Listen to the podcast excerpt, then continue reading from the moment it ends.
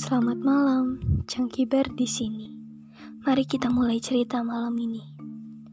Aku seorang gadis yatim piatu yang penakut. Jadi, aku selalu menyimpan nomor pacarku dan polisi di kontak daruratku. Karena aku sangat takut sesuatu akan terjadi padaku. Suatu hari, aku bertengkar dengan pacarku. Ia mengancam akan menusukku dengan pisaunya. Aku tidak tahu mengapa ia sangat marah kepadaku. Apa karena aku tidak sengaja menusuk anjingnya dengan pulpen? Saat ini aku sangat ketakutan.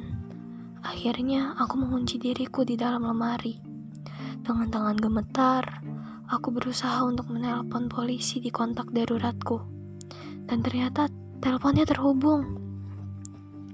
Aku langsung berbicara pada polisi itu.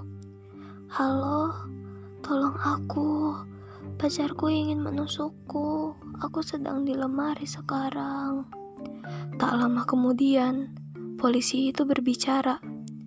I found you, my sweetie. Cerita kedua, aku lumpuh. Aku hanya bisa berbaring setiap hari. Bahkan untuk menggerakkan jari saja aku tak mampu. Suatu hari, aku terbangun dari tidurku dan entah mengapa aku sangat ingin untuk berjalan.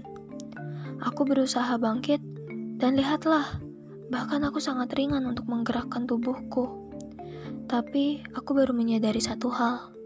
Aku melihat tubuhku yang masih di atas kasur lewat pantulan cermin.